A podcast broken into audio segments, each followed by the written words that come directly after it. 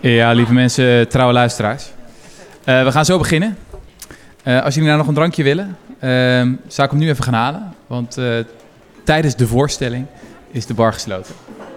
Dus haal even een paar flessen en dan, dan komt het wel goed.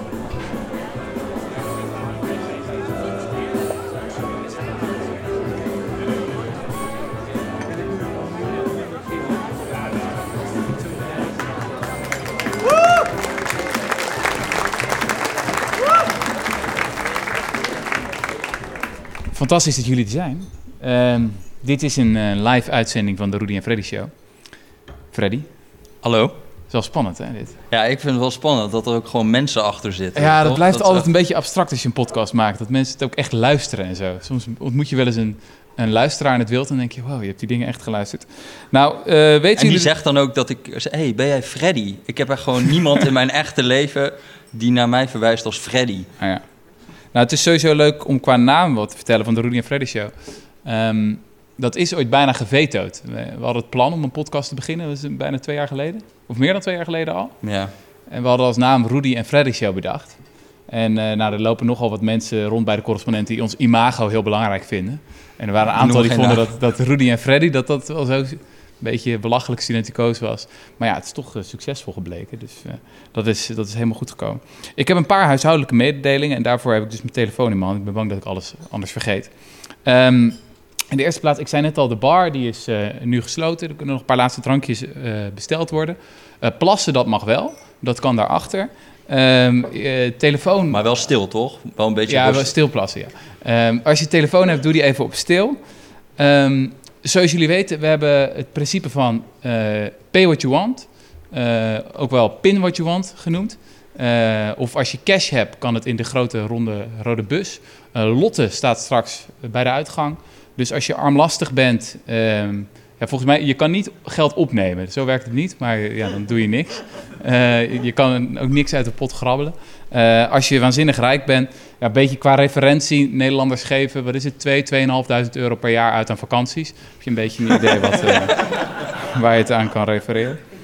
Ehm, We gaan het hebben over reclame. over reclame. Eh, toch? Dat is, de, dat is de aflevering van vandaag. Jesse, jij hebt je de afgelopen tijd eh, verdiept in een fenomeen waar wij ons allemaal zorgen over maken. In dit land. Eh, ook bij de correspondent. Want we leven in een tijd dat de wereld wordt overgenomen door datagiganten. Ja. De Facebook, Facebooks, de Googles, eh, de Amazons van deze wereld, die steeds meer data over ons verzamelen, die weten steeds meer van ons. En die kunnen ons dus op een gegeven moment gaan manipuleren. Die kunnen ons gaan sturen, ehm, omdat ze zoveel van ons weten. Ze bepalen wat we doen, waar we op stemmen, wat we kopen, et cetera, et cetera. Daarom moeten we ons ook zeer veel zorgen maken over onze privacy bijvoorbeeld, want het is het einde van de democratie.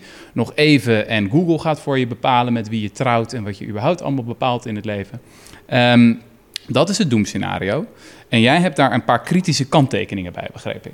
Ja, of nou ja, jij Daar- maakt het altijd ietsje groter dan het is, hè. Maar eh, ik- ik heb in ieder geval kanttekeningen bij al die advertentie-economie Ja, aspecten. vertel. Dus, ehm, Hoe, hoe, hoe kwam je hierop? Want je was met Maurits. Nou, ik had Maurits Ja. dus. Maurits, dat is ook een collega van ons. Maurits Martijn, die schrijft over privacy. Die kwam naar mij toe en die zei... Jesse, er is een bubbel in de advertentiemarkt.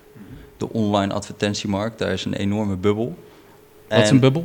Nou, gewoon, eh, dat is overgewaardeerd. Er wordt te veel besteed aan advertenties. Mhm. Eh, en wij moeten daar een artikel over gaan schrijven. En hij eh, had toen heel erg op het oog, eh, nou ja, je hebt heel veel advertentiefraude. Dus je wordt, op het internet moet je weten, eh, wordt alles per klik bijvoorbeeld verkocht. Dus je kan, kan bij Google en bij Facebook kan je kliks kopen. Dus mensen die klikken op jouw advertentie. Mhm. En eh, nou zijn er heel veel van die soort, soort van criminele bedrijfjes. En die hebben, eh, eh, die hebben gewoon allemaal robots die van die kliks doen. Ja. En dan zetten ze op een of ander obscuur forum zetten ze een heleboel advertenties. En dan laten ze een heleboel robots op klikken en dan harken ze tering veel geld binnen. Mhm. En zelfs, zeg maar, de, de meest reputabele organisaties van de adverteerders... die schatten dat ongeveer 9% van al het advertentieverkeer van die, Is net. Ja, van die advertentiefraude was. Maar, dat is niet waar ik het over wil hebben. Maar zo, zo kwam je erop. Zo kwam ik Ja, erop, ja. ja, ja, ja. Dus dat was een beetje het idee. Dus daar gingen we een beetje eh, eh, naar kijken. Maar toen, toen ging ik gewoon zoeken op alle wat economen en zo eigenlijk hebben geschreven over wat weten we nu echt over of het werkt. Dus wat een advertentie oplevert. Dus stel, je geeft 100, 100 dollar uit aan een advertentie, dan wil je natuurlijk wel weten van krijg ik dat geld überhaupt terug? Wat Mhm. levert het nou eigenlijk op? En toen kwam ik best wel interessante dingen tegen, want daar is dus gewoon echt heel weinig over bekend. En wat er over bekend is, is een totale mindfuck eigenlijk. Het Oké, gaat dus- heel dus- erg in tegen wat je, wat je zou denken. Dus wat, wat er over bekend is, zeg maar, mijn, mijn beeld van tevoren is, nou ja, sowieso gaat wat dit, 60, 70 procent van het online advertentiegeld gaat naar Google en Facebook. Ja, dus ik, ik heb zelfs eventjes wat cijfers bij me. Kijk, daarom ligt op. dit ding er. Dat heb Ja. ik nooit aan mijn hoofd. Maar eh, in 2017 kochten adverteerders ongeveer 200 miljard aan online reclame. Google maakt 95 miljard daarvan uit. En Facebook 40 miljard. Huh. Dus je hebt echt 60, 70 procent van die markt is gewoon Google en Facebook. Dus dat is echt het gros van het geld. En, en dat is ook allemaal enorm verschoven. Hè? Dus die heel die advertentiemarkt is helemaal op zijn kop komen te staan. Doordat je nu al dat online reclame hebt. Want eerder was het natuurlijk alleen tv en eh, eh, eh, printmedia. Ja. Nou ja, om een voorbeeld te geven, Nederlandse, Nederlandse dagbladen, die hebben gewoon, die maakten in 2000, eh, kregen ze nog 1,2 miljard aan advertentieinkomsten, nu is het nog maar 200 miljoen. ja. Dus die zijn helemaal in elkaar gestort en dat is heel erg omdat alles is verschoven naar online. Ja, er wordt altijd nostalgisch over, verstel- over verteld. Ik heb een jaar bij de Volkskrant gewerkt en dan, ja, dan vertelt wel eens zo'n eh, oude rot over de jaren negentig, toen het geld nog tegen de plinten klotste en je nog weken aan een verhaal kon werken en zo. Ja, ja, ja. Op Curaçao, om Ja. onverklaarbare Ja. redenen vaak. Die, tijd is voorbij. Ja. precies. Maar ook logisch zou je zeggen, want ik bedoel, als je aan het ad- gaan, eh, wilt gaan adverteren, dan ga je het natuurlijk liever online doen, want dan kan je meten eh, of het werkt, of je conversie hebt, of mensen je shit überhaupt kopen. Ja, dus dat is eigenlijk de voornaamste pitch ook. Van kijk, vroeger hadden we eh, allemaal van die eh, Madman-achtige types. Van Mhm. zo'n Don Draper en die orakelde maar wat. En je hoopte maar dat het waar was, wat hij Mhm. allemaal zei. En ja, je flikkert zo'n advertentie in, in de Volkskrant en je hoopt dat iemand het ziet. Mhm. Maar nu hebben we natuurlijk online, kan je precies zien wie erop klikt en wat het precies oplevert. Eh, dus het is nu allemaal in één keer inzichtelijk geworden. Nou ja, ik dacht dat eerlijk gezegd ook een beetje wel. Dat ja, je kan vinden wat je wil van zo'n Google en Facebook. Het is allemaal verderfelijke toestand. Mhm. Maar het is, het is eh, wel effectief. Toch? Het is gewoon de beste eh, reclamemachine die er is. Nou ja, Facebook, ja, sowieso. de correspondent had niet bestaan, denk ik, zonder Facebook. Nee, maar goed, wij na doen dan niet dat we er de advertenties hoeven in te kopen. Ja. Maar goed, dat is duidelijk. Ja, maar, toen, maar ja, dan kom je dus op die, op, die, op die mensen die werken binnen die bedrijven. En eh, dus er zijn een heleboel van die economen die werken dus bij Google, bij Facebook, bij Yahoo. En die sprak ik allemaal en die komen met verhalen dat je denkt, waarom werk jij bij dit bedrijf? Want volgens mij is deze boodschap ondermijnt totaal wat je zegt. En het begon eigenlijk met één, één heel interessant onderzoek. En dat is van iemand, van een econoom die werkte bij eBay. En eh, Steve Tadellis heet hij. Mhm. En die Steve Tadellis, die kwam daar eigenlijk, eh, nou, die onderwijst eh, de theorie van de onderneming aan, eh, aan Stanford, gewoon een professor. Mhm. En die dacht, nou, ik wil ook wel eens de praktijk van de onderneming zien. En toen ging hij dus naar eBay toe voor een jaar daar op bezoek. En die moest daar de economieafdeling gaan opzetten, zeg maar. eBay, dat is die veilingsite. hè? Dat is die veilingwebsite. Enorm, eh, enorm, zeg maar de marktplaats van Amerika. Ja. Dus groot, echt Ja. heel groot. En ehm, dus die komt daar en die, eh, eh, die kwam op een gegeven moment met het marketingdepartement te praten. En die marketeer zei van, ja, we hebben dus een consultant... Mhm. En die kan precies vertellen wat elke advertentie van ons opbrengt. Nou, jij bent econoom. Misschien leuk als je eens een keertje met die, eh, met die mensen gaat praten. Mhm. En dat- die gaan dan een beetje uitleggen wat, wat ze doen. En kan jij even testen hoe dat allemaal gaat. Nou, dus hij belt die gasten op. En die beginnen een heel verhaal. Eerst 20 minuten lang over... ja, we hebben proprietary transformation functions... en eh, big data en eh, fucking moeilijke cliënten. Ja. En we hebben ook eh, al 25 jaar ervaring. En hij zei, oké, nou, interessant. Maar wat doen jullie eigenlijk? Dus hoe meten jullie eigenlijk of een advertentie effect heeft? Nou, die, die zeggen, wat, wat ze eigenlijk bleken te doen was gewoon een vrij huistuin- en keukenstatistiek, zeg maar. Een regressiemodel. Je kijkt, wat heb ik uitgegeven aan advertenties? En wat levert het op? Mhm. En dat zet je zeg maar in een grafiekje en dan trek je een lijn doorheen. Mhm. Waarom heet dat regressie? Dat snap ik nooit. Dat weet ik ook niet, weet ik veel. Ja. ik heb het heel vaak al gelezen, maar... Ehm, maar wat, hij zei, hij dacht als econoom zijn van wat is nou echt een, een heel belangrijk probleem van al die met die advertenties. Nou, st- stel nou online dat jij nou adverteert op mensen die eigenlijk toch al bij jou terecht zouden komen. Mhm. Dus eh, bij eBay is best wel een groot en bekend merk. Ja. Ehm, dus als jij nou bijvoorbeeld een zoekadvertentie gaat kopen. Dus wat je op, op Google vaak doet, is je, je koopt een gesponsord resultaat. Je staat helemaal bovenaan. Ja. Dan staat er een, bij gesponsord en dan staat daarbij eBay. Ja. Maar ja, eBay is heel groot. Als jij naar schoenen zoekt, is de kans dat je bij eBay uitkomt reëel. Ja, dus Zeg je, maar. ja, je, bent dan, je typt in op Google eBay. Ja. Dan is het niet nodig dat er nog een advertentie... staat Ook eBay. eBay, Maar dat doen ja. ze dus wel. Oké. Ehm, maar Ja. daar wordt dus wel heel veel op geklikt. Dus die consultants die denken, oh, er wordt heel veel op geklikt. En daarna wordt ook heel veel gekocht. Dus het levert heel veel op. Ja, ja, ja. ja. En wat hij zei van ja, maar dat, dat klopt niet helemaal, zeg maar. Want misschien zouden die mensen ongeacht die advertentie ook wel zijn gekomen. Ehm, wat doen jullie daar eigenlijk aan, consultants? En eh, nou ja, hij vraagt door en hij vraagt door. En er komt eigenlijk niet echt een antwoord. En volgens mij heb ik een filmpje van dat ik die, deze gast interview. Want ik Ja, heb me volgens hier mij ook, ja. enorm goed op voorbereid op Ja. dit eh, ding. Dus We, we zijn echt nog nooit zo goed we zijn voorbereid nog nooit als, zo goed ja. voorbereid. Dus misschien kun je het even laten zien. Dit is, een, dit is een interview dat jij met hem deed. Ja, ja, ja, zeker. Dat is years ago, I guess, more. No, eight years ago. Nee, je moet even naar 4, 412. And they hired Oh, niet? Oké. Nou ja, oké, werkt niet. Maar goed. Hij zegt dus tegen die... We moeten dit ook nooit meer doen. Wij dachten, we gaan Nee, een keer wat tofs we doen met de Rudy en Freddy. Dat gaat altijd er mis. komt hierna nog meer mis, ja. techniek, dat wordt Ja, ook dramatisch. Ik, ik, vond, ik zei ook, je vertelt het verhaal veel beter dan dat hij deed. Dus Oké. kom erop. Nou, deze man, dus, hij, dus die consultants die zeggen op een gegeven moment tegen hem... Wat wij doen, is Lagrange multipliers. Wat? Lagrange multipliers. Oké, ja, ja. Dus, die, dus die Steve Tadellis, die denkt... Lagrange multipliers? Lagrange multipliers? Aha. En hij is dus professor aan Stanford. Ja, Dus hij zegt tegen mij: Ja, deze mensen weten dus helemaal niet dat ik professor ben aan Stanford. Mhm. Dus ik dacht van, jullie zijn nu echt hard verneukt. Want Ja. ik weet waar jullie het over hebben. ja, En dat is helemaal niks.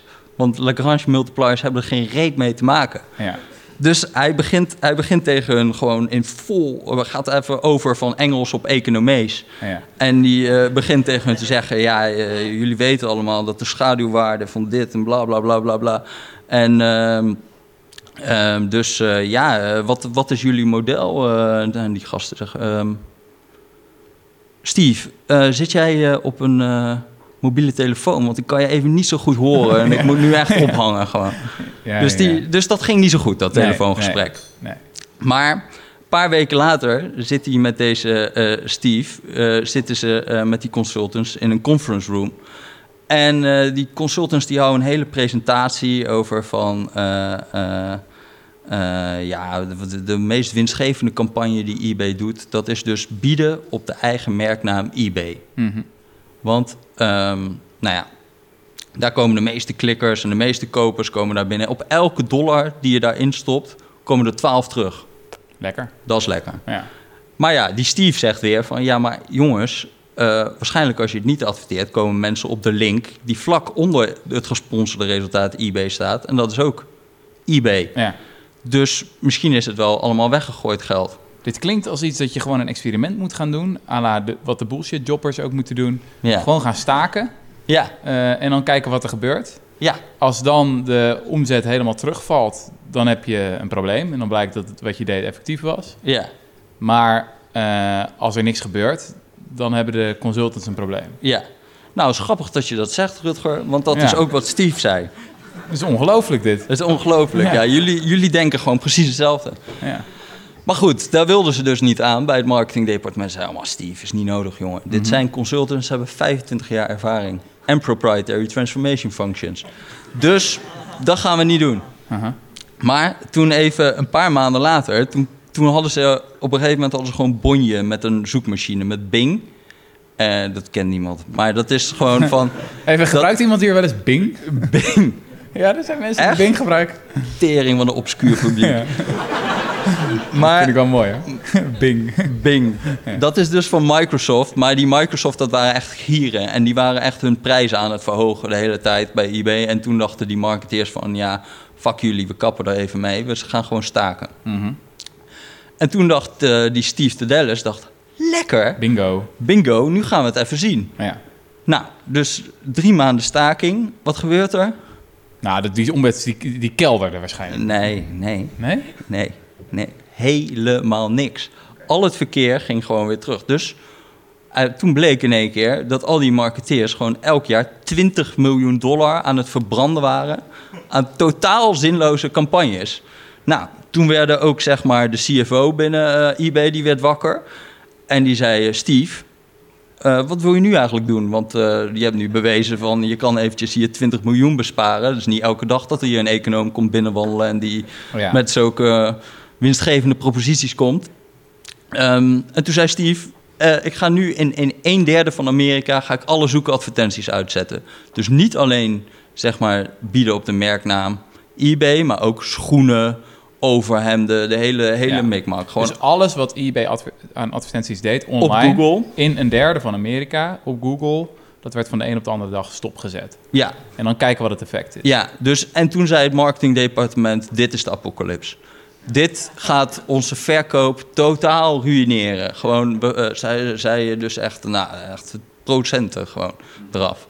Toen zei de CFO: Je hebt drie weken, Steve. Want als het, en als het in week één niet goed gaat, dan gaan we er meteen mee kappen. Dus eh, week één, niks. Week twee, mwah, niks.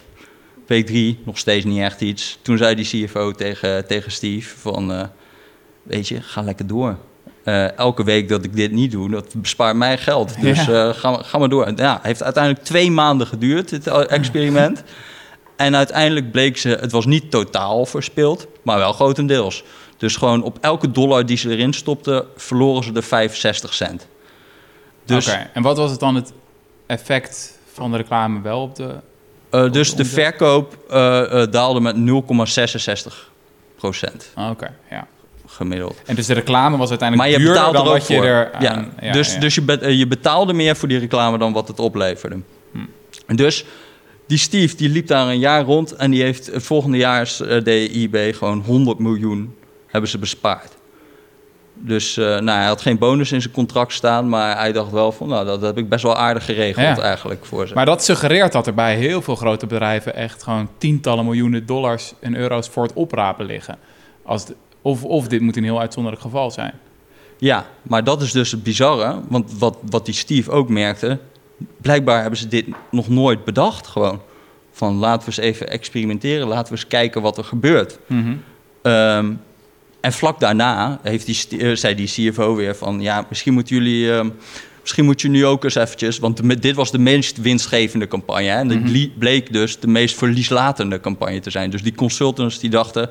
12 dollar voor elke dollar die je erin stopt. Nou, het was, was gewoon... eh, voor elke dollar die je erin stopt, was er één verloren, zeg maar Ja. bij die, eh, bij die keyword marketing. Dus toen zei ze van misschien moet je eens gaan kijken naar ehm, de nummer twee op deze lijst. eh, Steve. Van, en dat was zeg maar dat je op blogs gaat adverteren van, weet je wel, van die fit girls en die doen dan blog schrijven en dan zeg je, doe even een linkje naar eBay. Ja, ja, daar zit ik ook vaak op. ja. Dat is- is oké. is oké. Eh, en toen ging, toen ging Steve dus afspreken met die... eh, Met die fit girls. Nee, niet, niet met die fit girls. Dat is niet zeg maar Steve's ding. Eh, jullie hebben hem net gezien, maar... Ja.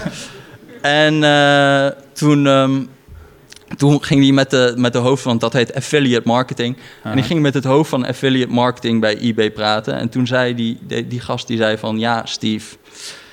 Ik kan je nu alvast vertellen... Als uit jouw experiment hetzelfde komt... als eh, wat je net met Google hebt gedaan... dan geloof ik het gewoon niet. En toen zei hij... Ja, ja, Brian, daar kan ik niet zoveel aan doen. Ik bedoel, als het, als het een religie is... Ik bedoel, ik vind, ik vind religie prima, maar niet Ja. in marketing analytics. Maar gewoon En- dat het te pijnlijk is om toe te geven van dat het niet werkt. Omdat het je hele werk is en je hele wereldbeeld. Ja, dus dat is heel erg lastig in dit, eh, in dit hele ding. Dus niemand die doet ook die experimenten echt. Of al die economen die ik zeg, die voelen nog een beetje... die zitten al die dingen maar te roepen. Maar er Ja. gebeurt eigenlijk niet zoveel. Oké, dus we hebben nu Steve. Is, is hij de enige die hier onderzoek naar doet? Of hebben, hebben we er nog meer? Nee, we hebben er nog meer. En daar hebben we ook een filmpje van. Dat gaat wel goed, Ja, geloof ik. Dit is de werken. tweede held voor mij. Ja. Dit is, nou, dit is echt een held. En als je het ziet, dan snap je ook waarom. Oké, kom erop. So here we go. When a correlation seems to be amazing with its power to predict, you may think that ice cream eating causes drownings from the data you depict. Or you can start thinking clearly. Nothing's gonna trick you like the slick view of a convincing scatter plot. Standard error skin tight, but no inside. Your regression all for naught. Hoe lang duurt deze, eh, Jesse? Ja, nou, we gaan nog even. Het refrein is wel... If you run an experiment and let zet maar uit deze lente. Ja, we hebben hem hoor. Maar ja, dat, Het refrein, dit is wel run an experiment. Je Dat moet ook even ja. voor de mensen die gewoon luisteren, want daar moeten we ook aan denken Ja, ja, natuurlijk. ja, ja, die zien ja. dit niet. Maar hij, hier staat een man in een soort van academische toga met doctoraal pet met op de achtergrond gewoon allemaal eh, zwemmende spermacellen, zeg maar. en die staat hier een eh, liedje over correlatie en causatie eh, te zingen. Ehm, ja, deze, dit is dus een van de top-economen bij Yahoo. Ehm, en eh, En, en zijn, zijn centrale religie is een soort van... correlatie is geen causatie, doe meer experimenten. ja, ja, ja. Dus Wat Dus- iedereen wel zegt, maar... ja, hij gelooft het gewoon echt. hij ja. gelooft het echt, zoals je ziet. En ehm, eh, ja, dus bij hem is het ook grappig, want hij heeft dus gewoon twintig jaar geleden of zo was hij, was hij nog gewoon een eh, student, promovendus. En toen kreeg hij zeg maar de opdracht van zijn professoren: zoek eens even uit of marketing van eh anti-maagsfeermedicijnen werkt. Mhm.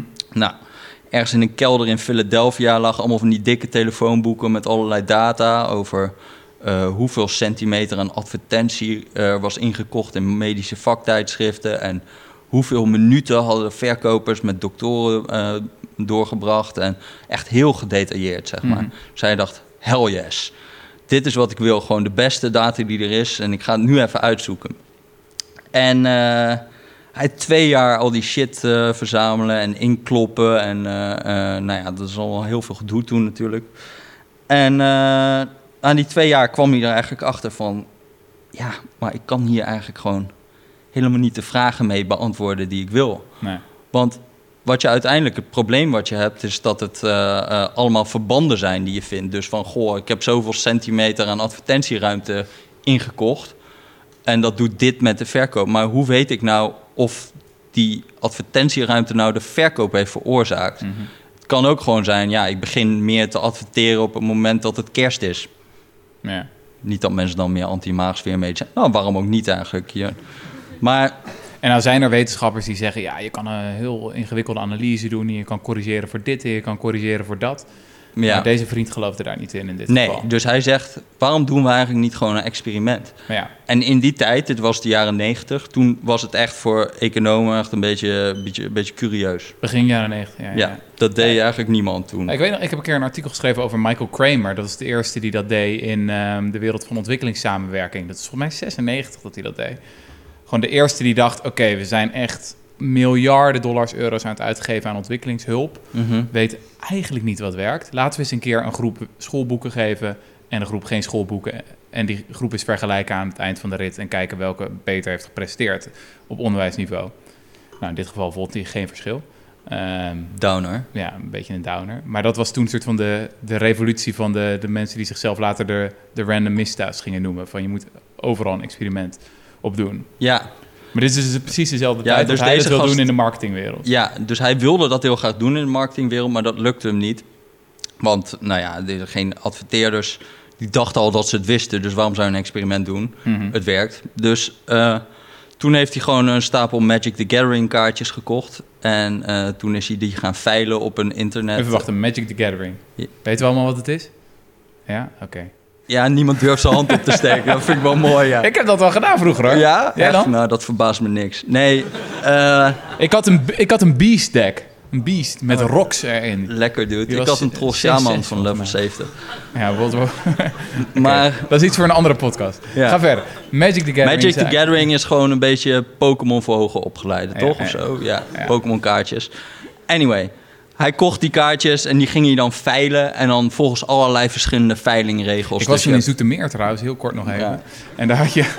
Daar ging ik ook altijd Magic spelen. En daar had je dus ergens bij de dorpstraat, had je, dat heette de Magic Inn, heette dat. Ja. Ja, vond ik mooi. Daar kon je dan gewoon zitten en dan kon je een, biertje drinken. Of kon je gewoon de hele dag, eh, de hele avond Magic gaan spelen. Oké, ja. Maar ik ben heel benieuwd of het nog bestaat in Zoetermeer, de Magic Inn. Misschien zijn er wel luisteraars van de Rudy en Freddy Show die naar de Nou, Magic stuur dan in een ma-. Stuur, stuur dan een mailtje.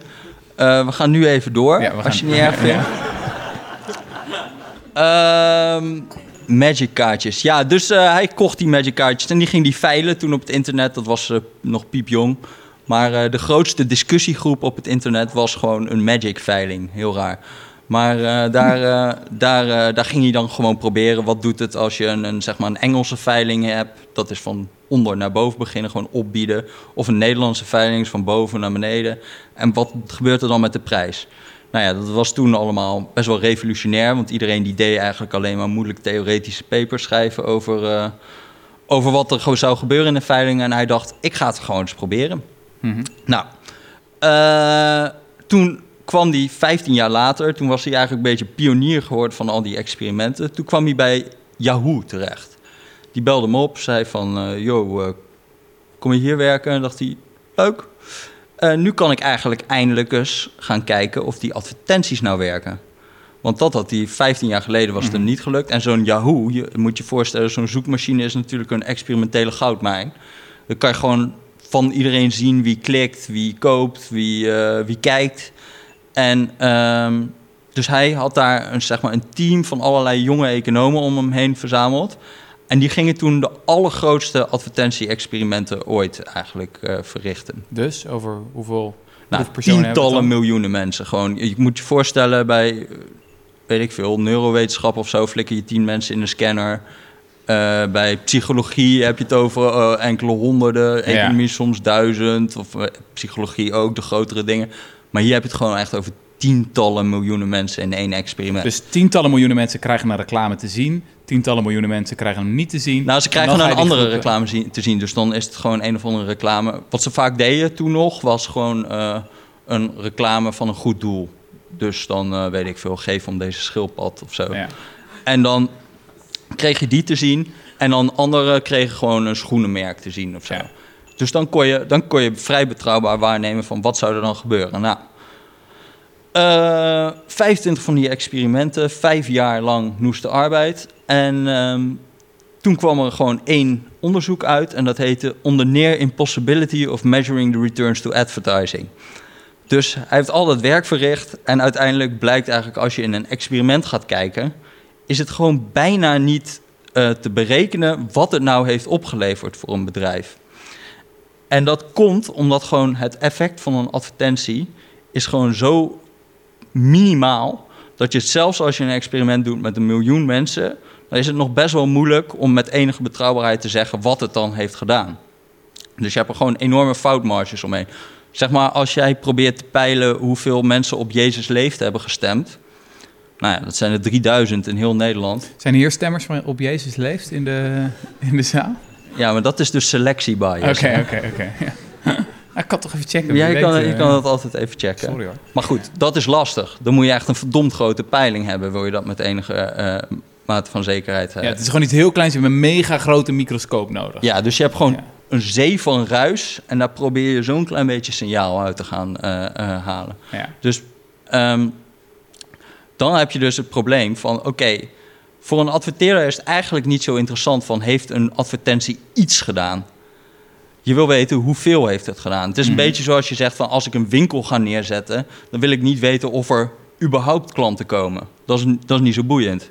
Je wil weten hoeveel gaan er komen, wat gaan ze kopen en, en is dat kosteneffectief? Mhm. Kom, ik, kom ik uit, zeg maar. Dus je wil het rendement weten als je, op, als je, als je geld besteedt aan iets. Alleen bij advertenties blijkt dat dus gewoon, als je de beste methodes ge- gebruikt, gewoon nagenoeg onmogelijk om te meten.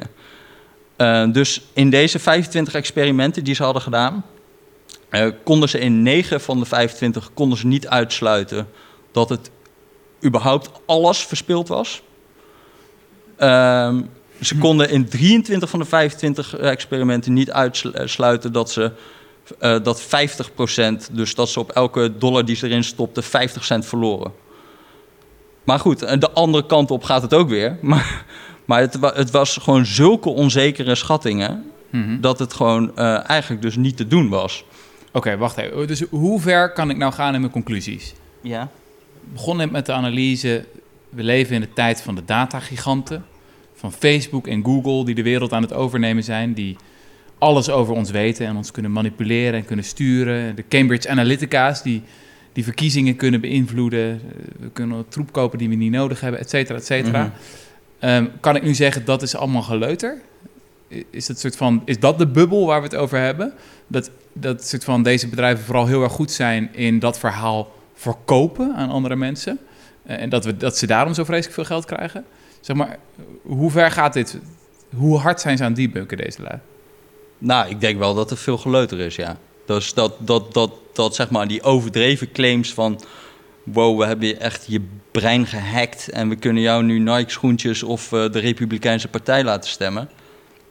dat is gewoon fucking ingewikkeld. Hm. Als je kijkt naar die effecten in al die studies... dat gaat nergens over hoe klein dat is. Ja. Dus ik weet niet of iemand, zeg maar, als jij, een, ehm, als jij uitdrukt wat het verband is tussen twee dingen. Dus eh, bijvoorbeeld hoe vaak je bent blootgesteld aan een advertentie en hoe vaak je dan iets gaat kopen. Eh, dat druk je uit in een correlatiecoëfficiënt, heet dat. Dus dat is de sterkte van het verband. Mhm.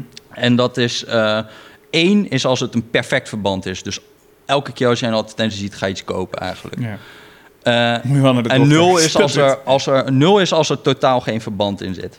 Als nou, je nooit wat koopt. Ja, Ja, als je nooit wat koopt. Dus Ja. in deze 25 experimenten, als je een campagne zou hebben die gewoon evenveel opbrengt als het kost, dan heb je een correlatiecoëfficiënt van 0,000054. Dus dat is zeg maar, als je dat in een grafiek stopt, dan ziet het eruit als iemand gewoon met hagel heeft geschoten en gewoon willekeurige punten, wolk. Ja. Dus het is, het is, gewoon, eh, het is gewoon minimaal wat, eh, wat een advertentie kan doen. En misschien is dat ook helemaal niet zo verwonderlijk als je er goed over nadenkt. Maar, ehm, ja, het Maar ik vind het best wel bizar. Is het niet zo dat als jij straks je stuk publiceert, of nee, sterker nog, als de Rudy en Freddy show straks live gaat, dat dan meteen de koers van Google en Facebook gewoon. Dat we nu met z'n allen short moeten gaan. Want de mensen die bij de live show zijn, die, die weten het als eerste. ja. Dat gewoon de implicatie hiervan is: van deze bedrijven zijn veel meer waard dan ze waard zouden moeten zijn. Maar laten we eerlijk zijn: de, de koers van Facebook is gigantisch hoog. En dat Mhm. wordt niet ge- eh, gerechtvaardigd door de winst die ze nu al maken. Weet je wel? De verwachting is echt van Mhm. dat bedrijf gaat zoveel meer data over ons bij elkaar haaien. Op een gegeven moment kunnen zij ons echt in alles gaan sturen. Dat is eigenlijk de verwachting die investeerders uitspreken, toch? Met die hoge beurs, beurskoers. Ja, dat zij zo vreselijk goed zijn in het sturen van ons gedrag. Ja, maar ik weet niet over al het andere gedrag. Misschien kan dat in één keer wel enorm goed werken. Maar qua reclame... maar wacht even. Je zou zeggen, iemand schoentjes verkopen is makkelijker dan iemand op Jesse Klaver laten stemmen als je een hekel hebt aan Jesse Klaver. Of, of iemand op Thierry Baudet laten stemmen als je een hekel hebt Moeilijker aan of makkelijker? Wat zeg je? Makkelijker schoentjes verkopen. Makkelijker om schoentjes te verkopen dan Ja, om toch? op Jesse Klaver te Het stemmen. schoentjes, ja, maakt mij niet uit of ik Nike of Adidas koop. Als een advertentietje kan ik me wel voorstellen dat die dan net verschilt. Maar dat ik ineens op Jezus leeft ga stemmen, Ja, ja, Ja. ja. ja. ah, Eh, misschien. Ja. Nou ja, ja, bij jou sluit ik het niet uit. Nee, gewoon het overleden. Maar, eh. Nee, maar ik denk wel dat heel veel van die claims gewoon zwaar overdreven zijn. Dat zeggen ook al deze gasten. Die denken de hele tijd, als ze dan lezen over zo'n Cambridge Analytica... van, yo, ik zit ziek te pezen op zo'n experiment... En wat eruit komt, mag ik al blij zijn als ik überhaupt iets zinnigs erover kan zeggen. En jullie gaan nu doen alsof de hele Amerikaanse verkiezingen zijn geflipt door zoiets. Ik, het is gewoon een beetje onwaarschijnlijk, zeg maar, vanuit... vanuit Daar heb je het met over gehad, over, die, Ja, ja, over ja. specifiek... eh, Maar de- hier is het tweede punt wat lastiger is. Dus ik kwam er ook een beetje in van het is een bubbel. En dat is zo wel. Dus, dus de kans dat eh, adverteerders op dit moment veel te veel in advertenties stoppen. Eh, voor wat ze eruit krijgen, is, eh, dat zeggen eigenlijk al die economen. Dat is, op dit moment is dat duidelijk zo. Maar dat komt omdat ze ook allemaal optimaliseren op totaal de verkeerde dingen. Dus al die adverteerders, die denken van, die kijken gewoon naar van, oh, hoeveel kliks levert het op? Dus een beetje zoals die eBay-consultant deed. Mhm. Dus die keek gewoon van hoeveel mensen klikken op dit type advertentie en hoeveel mensen kopen dan vervolgens. Maar stel nou dat ze slimmer zou zijn. En dat ze echt zouden gaan kijken met we gaan nu alleen maar experimenteren. Misschien krijg je dan ook betere advertentiecampagnes. Dus wat zij zeggen is, je weet niet of er over, over advertising is, maar je weet wel dat er misadvertising is in ieder geval. Hm. Ik zelf geloof er eigenlijk niet zo heel erg veel van. Ik denk dat het gewoon, ongeacht wat voor soort... eh, hij kan wel beter adverteren, maar ik denk niet dat dat effect enorm groot gaat zijn. En ik denk gewoon dat je moet gaan accepteren dat ja, mensen plaatjes en video's laten zien waar ze niet naar willen kijken. Dat gaat gewoon niet heel erg veel invloed hebben op je gedrag. Nee. En dat is reclame. Ja. En dat is, eh, ik bedoel, je kan wel allemaal mensen hebben die ingewikkelde powerpoints maken en die gewoon moeilijke, moeilijke verhalen erbij hebben en die doen alsof dat heel veel invloed heeft. Mhm. Maar dat gaat nooit heel groot zijn, die invloed. Het doet mij ook echt een beetje denken aan die aflevering die we toen maakten over blockchain. Of wat toen een programmeur van de correspondent toen tegen jou zei van... Wie was het ook alweer? Van als je een magisch sausje van technologie ergens overheen gooit... dan denken mensen ineens van... oh, dat moet wel heel effectief zijn. Ja, ja, ja. Je hebt volgens mij nu heel veel mensen... Een tijdje geleden dat je nog het boek Homo Deus van Yuval Noah Harari... de Israëlische historicus. Mhm. eh, die fantastisch schrijft. Ik vond zijn eerste boek Sapiens echt geweldig. Maar het tweede boek gaat dan heel erg over van... Ja, hoe we nu in de tijd van het dataïsme zijn aangekomen. En als je maar genoeg data verzamelt eh, over mensen... dat je ze dan zo, eh, zo goed mogelijk kent. Inderdaad, dat op een gegeven moment Google gaat bepalen... wie jouw efficiëntste huwelijkspartner is. Want die, kan dat op een gegeven, die kent jou op een gegeven moment beter dan jijzelf. Mhm. Dat is het idee. Eh, maar ja, de aanname van dat soort verhalen is natuurlijk wel elke keer dat de technologie of de wetenschap goed genoeg is. Maar dit soort dingen suggereren dan van ja, als we, als we nog niet eens ja, iets simpels als, een, als iets kunnen verkopen, als we dat maar het is juist niet zo meten. simpel, denk ik. Gewoon, het is hier. Dus dat is ook de vraag van of het, of het ehm, zeg maar, over, of je met die data andere dingen wel heel goed zou kunnen voorspellen. Dat Hm. zou kunnen. Kijk, reclame is natuurlijk ook gewoon op zichzelf gewoon een ziek moeilijk probleem. Wat denk jij nou dat de invloed is van dat jij elke dag zie je x hoeveelheid reclame, zeg honderden misschien Mhm. wel. Wat denk je dat de invloed is van één zo'n reclame? Die Ja. is op zichzelf al gewoon minimaal. Dus ja, dat, dat dat een moeilijk probleem blijkt, is eigenlijk misschien wel een Hm. beetje vanzelfsprekend. Hm. Maar wat wel heel grappig is hieraan, wat, wat, wat, je, wat, ik, wat, wat, dus, wat je dus ook merkt met, als je met al die economen praat, zij werken dan wel binnen al die eh, grote bedrijven. Maar je hebt hier een heel groot probleem, dat zeg maar, ehm, je zou denken, zo'n eBay die wil dit weten, of een Unilever, de grootste adverteerders, eh, of Procter Gamble, die willen dit weten. Van als zij allerlei eh, honderden miljoenen uitgeven die zinloos besteed zijn, ja, dat is een beetje zonde. Ja, dat snap ik ook niet. Want er lopen, lopen superveel slimme mensen rond bij die bedrijven. Toch? Ja, Eh, die doen allerlei testen, AB-testen neem ik ook aan. Je Nou, zou zeggen dus van, niet, als dit waar is, dit verhaal... dan had er al lang meer Steves hadden er moeten opstaan... die hadden zeg- gezegd van, jongens, we zijn geld aan het verbranden. ja dus wat zij, wat zij heel erg merken is van... er is een verschil tussen Unilever en het marketingdepartement van Unilever. En het marketingdepartement van Unilever... die gelooft dat wat zij doen werkt. Want ja, anders dan is hun beroep een beetje zinloos. Mhm. En ehm, dus die willen heel. Dus, en, en die krijgen ook een budget elk jaar. En dat moet besteed gaan worden.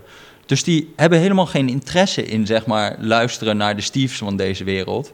Die krijgt daar alleen maar eh, gezeik mee. Ja. Eh, van eh, ja, dit is, dit, dit, dit, dit, dit is gewoon een boodschap waarmee je mijn baan op het spel zet. Dus zeg maar, die boodschap die landt ook gewoon niet heel erg dan binnen, binnen die bedrijven. Zij zitten de hele tijd een soort. Kijk, die David Riley die had op een gegeven moment een, een anekdote dat hij Mhm. bij. Hij was al al die experimenten aan het doen bij Yahoo. En eh, hij was wel benieuwd van, ja, wat doen wij zelf eigenlijk bij Yahoo? Hoe meten wij hoe effectief een reclame is geweest? Mhm. En eh, dus hij vroeg een beetje rond, wie doet dat bij ons? Nou, er bleek een of andere gast te zijn, die heet dan een Mixed Media Modeler. Zo heet dat. En ehm, die, eh, toen gingen ze een meeting met die gast in. En die bleek eigenlijk gewoon al die verkeerde methodes te gebruiken. Die deed gewoon, eh, zeg maar, correlatie is causaliteit. Ging allemaal hoppakee vanuit. En die zei ook nog van... eh, Ja, en als dan blijkt uit die, eh, uit die, uit die modellen van mij van dat advertenties niet werken, dan ga ik ook nog wat sleutelen en dan flikker ik die billboards eruit, zodat er wel iets goeds uitkomt. Ja. Dus hij zat daar ook naar te kijken van, dit gaat niet goed. Nee. Dit is gewoon niet goed. En toen zei hij ook tegen mij van, ja, en toen dacht ik van, dit is echt slecht wetenschappelijk werk. Uh, maar hij zei, it's good job pres- preservation practice. Ja, Dus ja, ja. zeg maar, voor deze gast, die moet ook weer verantwoorden aan zijn bazen van... ehm, eh, ja, wat heeft deze campagne gedaan? En die willen natuurlijk ook horen van, het is allemaal goed gegaan. Ja, hoe gaat het gezegd geweldig. ook alweer? Want het is niet, als het niet in het belang is om te begrijpen waarom iets niet werkt, dan uh, je eigen belang. Ja, precies. Ja. Nou, en dat is, dat is ook bij, bij deze. Wat, ja, wat ga je zeggen ook als je zo'n eBay-marketer bent? Van ja, eh, sorry, we hebben net een experiment gedaan. Blijkt dat we gewoon 100 miljoen hebben verbrand elk jaar. Ik zo, zo nou, uitstekend. Ja. Uitstekend onderzoek. Je bent ontslagen. Toch? Heel veel dank. Heel veel dank. Ja. Maar dat is, dat, is, dat, is, dat is hier heel erg een, eh, een, een, zeg maar een probleem. En meer fundamenteel denk ik bij... eh, dit gaat niet alleen voor marketing op... maar mensen hebben heel veel moeite om te zeggen gewoon... ik weet het niet. Dus als iemand vraagt van... ja, wat heeft die advertentiecampagne gedaan... dan heb je liever iemand die aankomt zetten met een PowerPoint... met click-through rates en eh, gewoon ingewikkelde data... en zegt van, nou, dit ongeveer... dan dat iemand zegt, ja, ik heb eigenlijk gewoon geen flauw idee. Ja, Ook al is dat de waarheid. Zeg maar, mensen zien zeggen eh, dat je het niet weet als gewoon zeggen dat je gewoon incompetent bent. Ja. Terwijl dat is, dat is natuurlijk helemaal niet zo. Het is bij, bij dit probleem is namelijk zo ingewikkeld dat niemand het kan weten. Dat laten zij allemaal wel Ja, zien. en je wil op een gegeven moment gewoon wat doen. ja, ik merk met zo'n crowdfund voor de internationale correspondent, merk ik ook gewoon als het dan lekker gaat. Zo, dan denk ik van, ik heb zin om een tweet de wereld in te sturen. Van, ik heb zin om hier een Facebook-bericht aan te wijden. Mensen moeten, ja, weet ik veel wat het effect is. Ik ga eerst een randomized control trial doen om de eerste, ja, geen Ja. idee. En als het dan achteraf gelukt is, dan denk ik wel van, ja, lekker, ja. Nou, ik heb ook mijn steentje bijgedragen hoor, mensen. Ja, Terwijl misschien wel helemaal niet, ja. dat zei ook een van deze gasten. Die werkt nu als hoofdeconoom bij eh, Netflix. Dus die was eerder werkte die bij Yahoo en had hij allemaal laten zien van het is fucking moeilijk. ja. En die werkt nu bij Netflix en eh, als hoofdeconoom. En die zei van, ehm, ja, ik snap nu inmiddels ook wel beter waarom het gaat zoals het gaat. Eerder dacht ik ook van, ja, maar wij hebben fucking laten zien dat het niet werkt. Mhm. Stop er dan mee. Maar als je mensen als mij aan het roer laat, dan krijg je gewoon eh, analysis paralysis, noemde die het. Dus Mhm. gewoon mensen die allemaal zeggen van, we moeten wachten op de data. En dan gebeurt er ook sowieso niks. Nee, nee. Dus het is misschien nog wel beter dat je gewoon eh, op een gegeven moment iemand knopen doorhakt, zeg maar. Maar we zijn eigenlijk weer terug bij het oude punt. Want het, oude gezegde was altijd van, van de reclamemensen die zeiden... eh, reclame werkt, of in ieder geval 50% van de reclame werkt. We weten alleen niet welke 50%, welke helft. Mhm. Eigenlijk zijn we daar gewoon nog steeds, toch? Ja, dus dat is wel grappig. En dat suggereert wel dat we veel te veel aan de Googles en de Facebooks geven... en dat we ook gewoon weer geld kunnen geven aan de krantjes en zo. Eh, ja, voor zover mensen kranten lezen. Ja, Ja. Maar ja, dat, dat is wel grappig. Dus je hebt een hele, hele leuke anekdote in eh, zo- zo'n boek over de, het ontstaan van Google. En daarin eh, beginnen ze... eh, in hoofdstuk 1 wordt zo beschreven dat een van de grote tv-mensen in, in Amerika... die heet Mel Karmazin. En dat was de CEO van Viacom. Die hebben CBS en echt hele grote tv-zenders. En die komt dan rond 2003, die komt dan bij Google. En dat is nog echt een klein lullig bedrijfje eigenlijk. Eh, maar die heeft wel de dotcom-crash overleefd. En die maakt winst. Dat is curieus. Dus die Mel Karmazin die komt daar om eens te kijken van... ja, wat doen jullie nou eigenlijk? Hoe kan het dat jullie eigenlijk nog geld verdienen? Dus eh, dan legt die eh, Er- Eric Schmidt, dat is de CEO van Google... Mhm. die legt uit van ja, wij doen advertenties. En alles is meetbaar. Mensen betalen alleen maar voor wat werkt. Mhm. En dan heeft die Karmazin zoiets van... Waarom, waarom wil je dat mensen weten wat werkt? en, en, en, en die zegt van... Ik, ben, ik, ik, ik, ik verdien elk jaar 25 miljard met advertenties. Waarom wil je dat mensen weten wat werkt? En, dan, zei- en dan kijkt hij die, eh, kijkt hij die Eric Schmidt aan en die zegt... You're fucking with the magic. en dat is een beetje het, het verhaal. Mensen willen gewoon... Ja, mensen denken gewoon van... eh, eh, het is magie. En, en, en dat heeft Google doorbroken, maar dat is juist niet zo. Het is gewoon nog steeds Nee, magie. het is nog steeds magie. En je, het is nog steeds gewoon dat eh, meer hoop dan wetenschap. Dus eh, ja, ik weet niet wat het allemaal zegt, maar het is wel interessant, toch?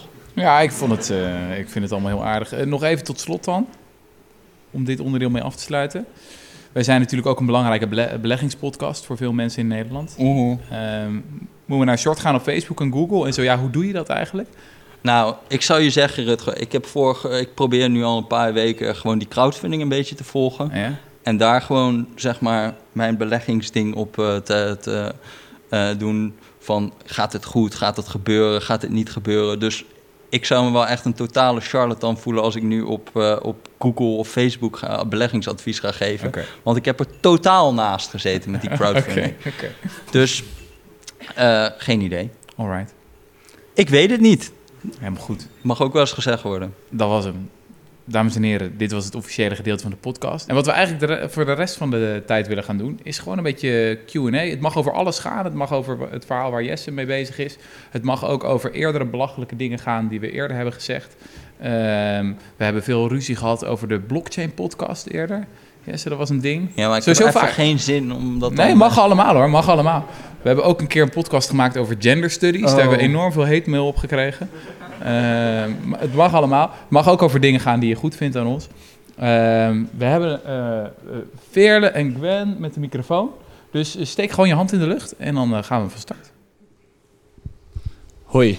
Ja, dankjewel. Dat was een interessant verhaal. Ehm, reclame is een magie.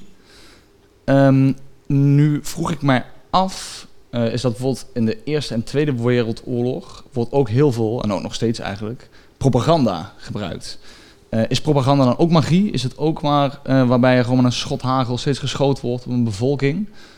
Waarom zeggen zoveel mensen dan dat dat wel werkt? Welke vormen van beelden, zeg maar. Want je hebt ook tv-reclames en de reclames in de kranten, waar jullie het ook al over hadden.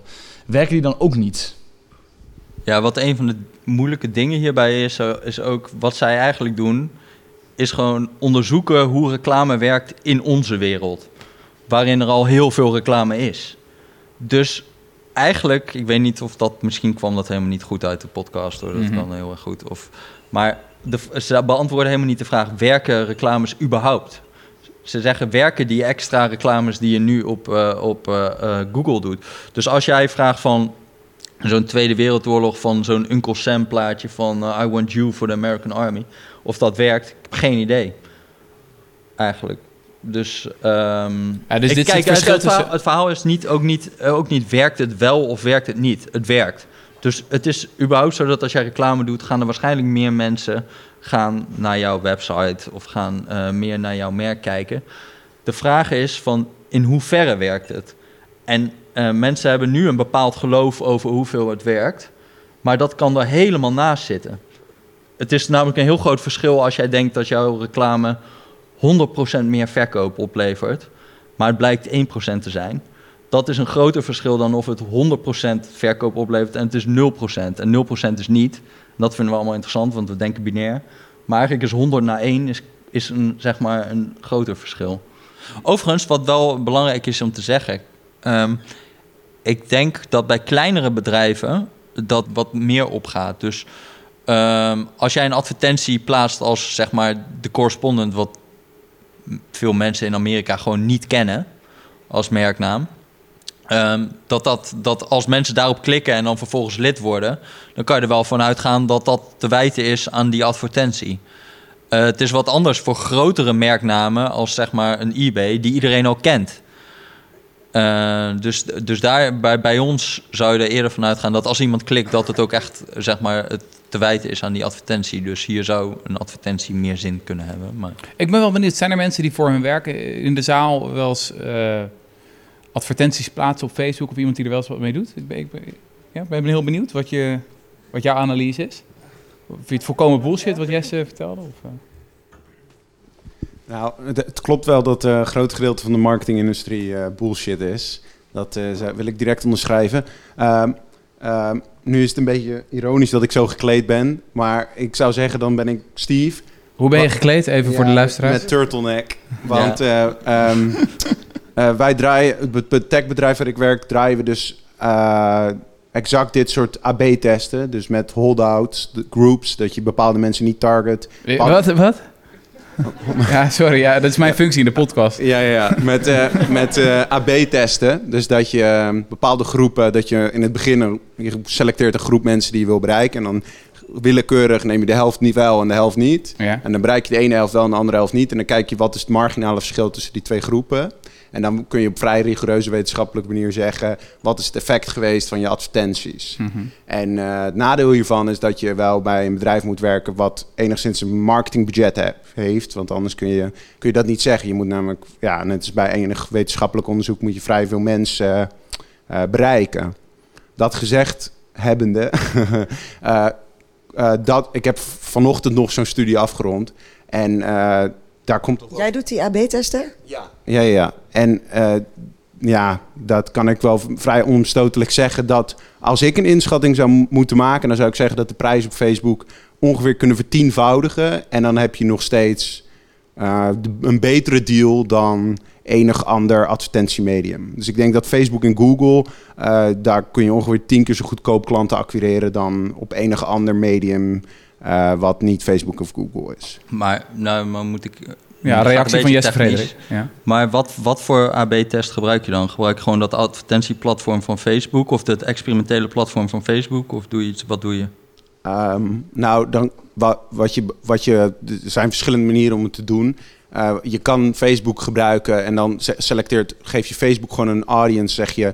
eh, en dan selecteert Facebook een bepaalde groep die ze wel gaan targeten en een bepaalde niet. En dan moet je maar geloven dat dat gerandomized is. Ja, precies. Maar je kunt natuurlijk zelf, kun je dat ook achter de schermen doen. Dat je zelf een audience selecteer, eh, maakt. En dat je zegt in Facebook, en dat gooi je dan in een A en een B groep. En dan laat je alleen de A groep in. En dan kijk je in je eigen datasystemen, wat is de impact geweest op die klanten. Of, Maar die Facebook-algoritmes die gaan toch op zoek naar mensen met een grotere klikkans. Dus als jij zegt, we gaan A targeten en we gaan B geven we zeg zo'n schildpadadvertentie. Dan Ik gaan snap er echt helemaal niks meer Oh, van. Oké, nou maar dan gaan we er wel mee op. Dan houden we er toch mee op. Facebook-algoritmes Misschien doen we dit gewoon bij een biertje Ja, wacht dan even. toch? Nee, toch nee, ik wil het graag begrijpen. Oké. Facebook-algoritmes gaan op zoek naar mensen met een hogere klikkans. Ja, dus als Die jij, zin. als jij zeg maar op dit moment zo'n experiment zou doen als wat ze vroeger deden. Hè, dus je geeft één groep geef je, eh, zeg maar een Audi-advertentie. Ja, En een andere groep geef je een advertentie van een NGO of van een goed doel. ja de schildpadden. Ja, dat gaat niet meer werken tegenwoordig. Want die Google en Facebook-algoritmes die gaan op zoek naar zeg maar, mensen die vaker gaan klikken op Audi.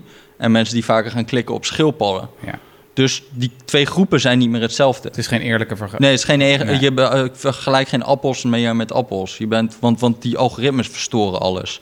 Dus ik weet niet, maar goed, misschien is dit gewoon helemaal niet interessant voor wie dan ook. Nou, ik vind het wel. We hebben nu gewoon een battle of Jesse Frederik tegenover de reclameman.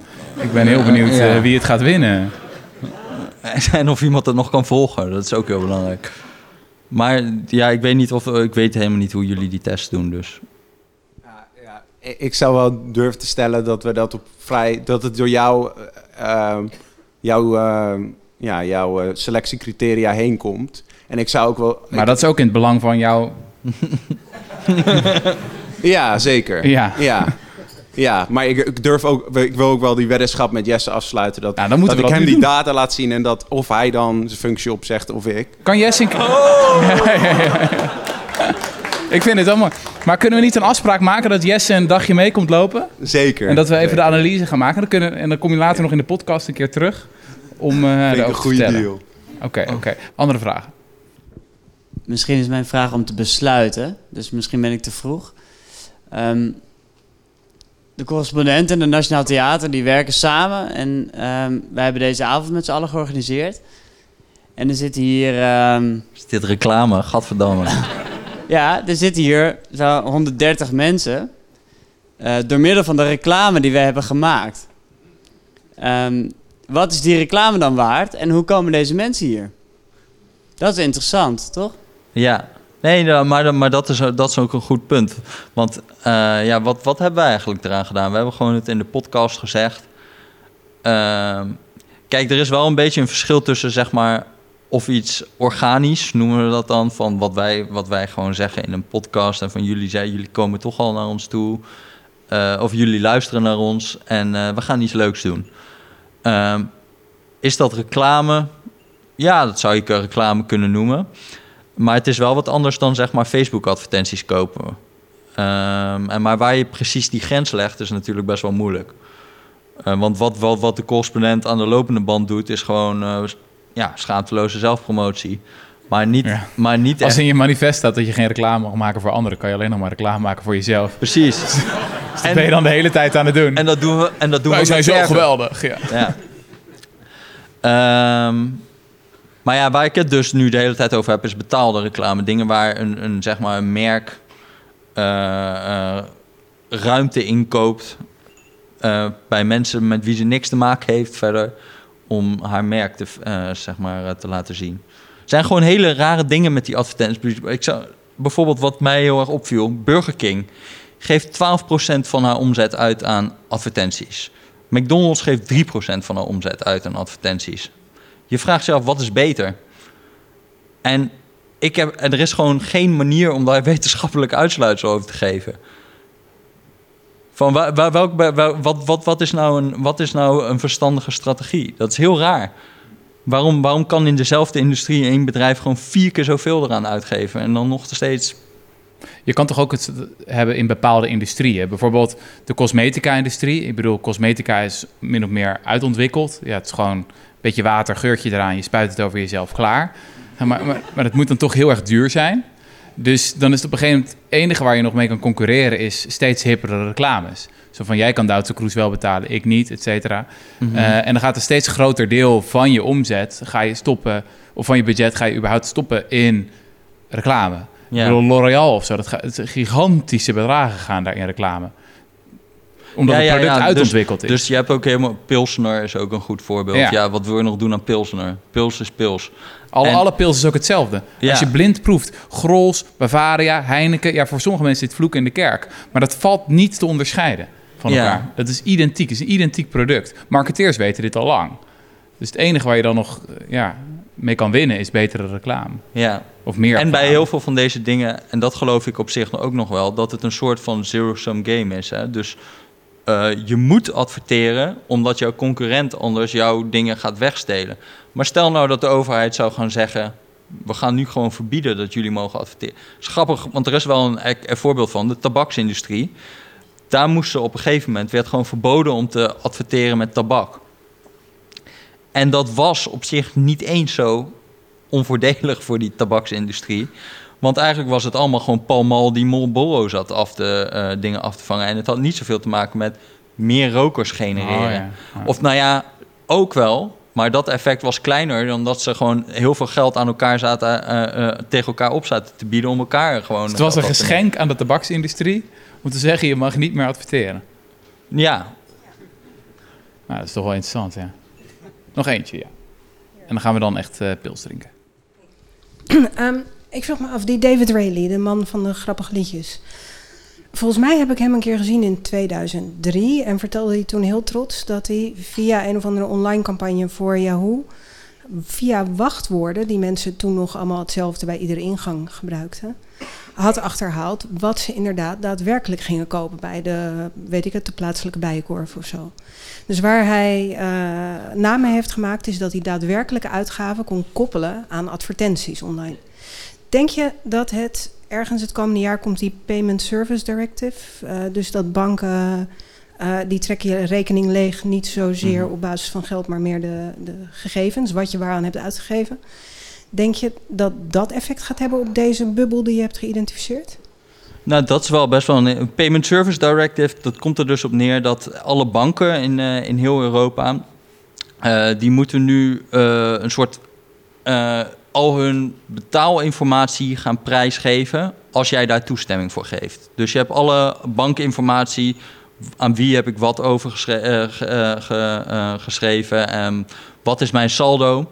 kan jij voor kiezen om dat prijs te geven aan een app, bijvoorbeeld... En dat moeten banken nu doen. En nu zitten zij op al die informatie. En nu is er een soort Europese ri- richtlijn dat ze straks dat aan iedereen moeten overdragen die daar toestemming voor geeft. Mij leek dat echt bizarre privacy schending toen ik het voor het eerst hoorde. Maar eh, niemand, of vooralsnog heeft niemand er echt heel erg een artikel over geschreven. Maar inderdaad, ik denk dat dat wel eh, eh, heel interessant is, ook voor al die techbedrijven. Van als zij ook nog die goudmijn hebben, dat ze ook de koppeling kunnen maken met wat koopt iemand daadwerkelijk. Dat is natuurlijk super interessant. En ik denk dat dat ook wel meer inzicht zou kunnen bieden in van wat doet een advertentie echt. En wat dat betreft kan het ook wel weer gewoon keihard in hun gezicht terugslaan van wat als ze er nou achter komen dat dat misschien wel tegenvalt als je al die, al die informatie gaat koppelen. Ehm, maar ja, goed, ik kan daar ook moeilijk iets, eh, iets over voorspellen of zo. Dus in ieder geval een mogelijke optie om straks met de zwarte vlag even... Ja, zeker. Ja, ja. ik weet niet waarheen. Zijn er maar- mensen trouwens die de zwarte vlag bij zich hebben? Ik bedoel, we hebben het er steeds over. Kijk, daar heeft iemand een zwarte vlag. Dat is Fantastisch. een jas. Maar Volgens maakt mij- niet uit. We doen, we doen het ervoor. Dames en heren, dit was de Rudy en Freddy Show. Live vanuit het Nationaal Theater. Ja, Theater aan het Spui zelfs. Heb ik helemaal niet gezegd aan het begin. Wel nee, vet. maar het is wel goed. We gaan dit nog een keer doen. In April? mei. Ik, April? Mei toch? Mei? Ja, volgens mij mei. Maar april vind ik ook goed. Eh, het is, ik begreep al bijna uitverkocht. Misschien kunnen we het nog opschalen. Eh, je kan eh, naar de website van het Nationaal Theater om te reserveren. En verder zijn we natuurlijk gewoon weer over twee weken getweeën. Waar gaan we het over hebben? Ja, weet ik niet. Ik ook niet. Oké, Tot de volgende keer. tot de volgende keer. Lekker man.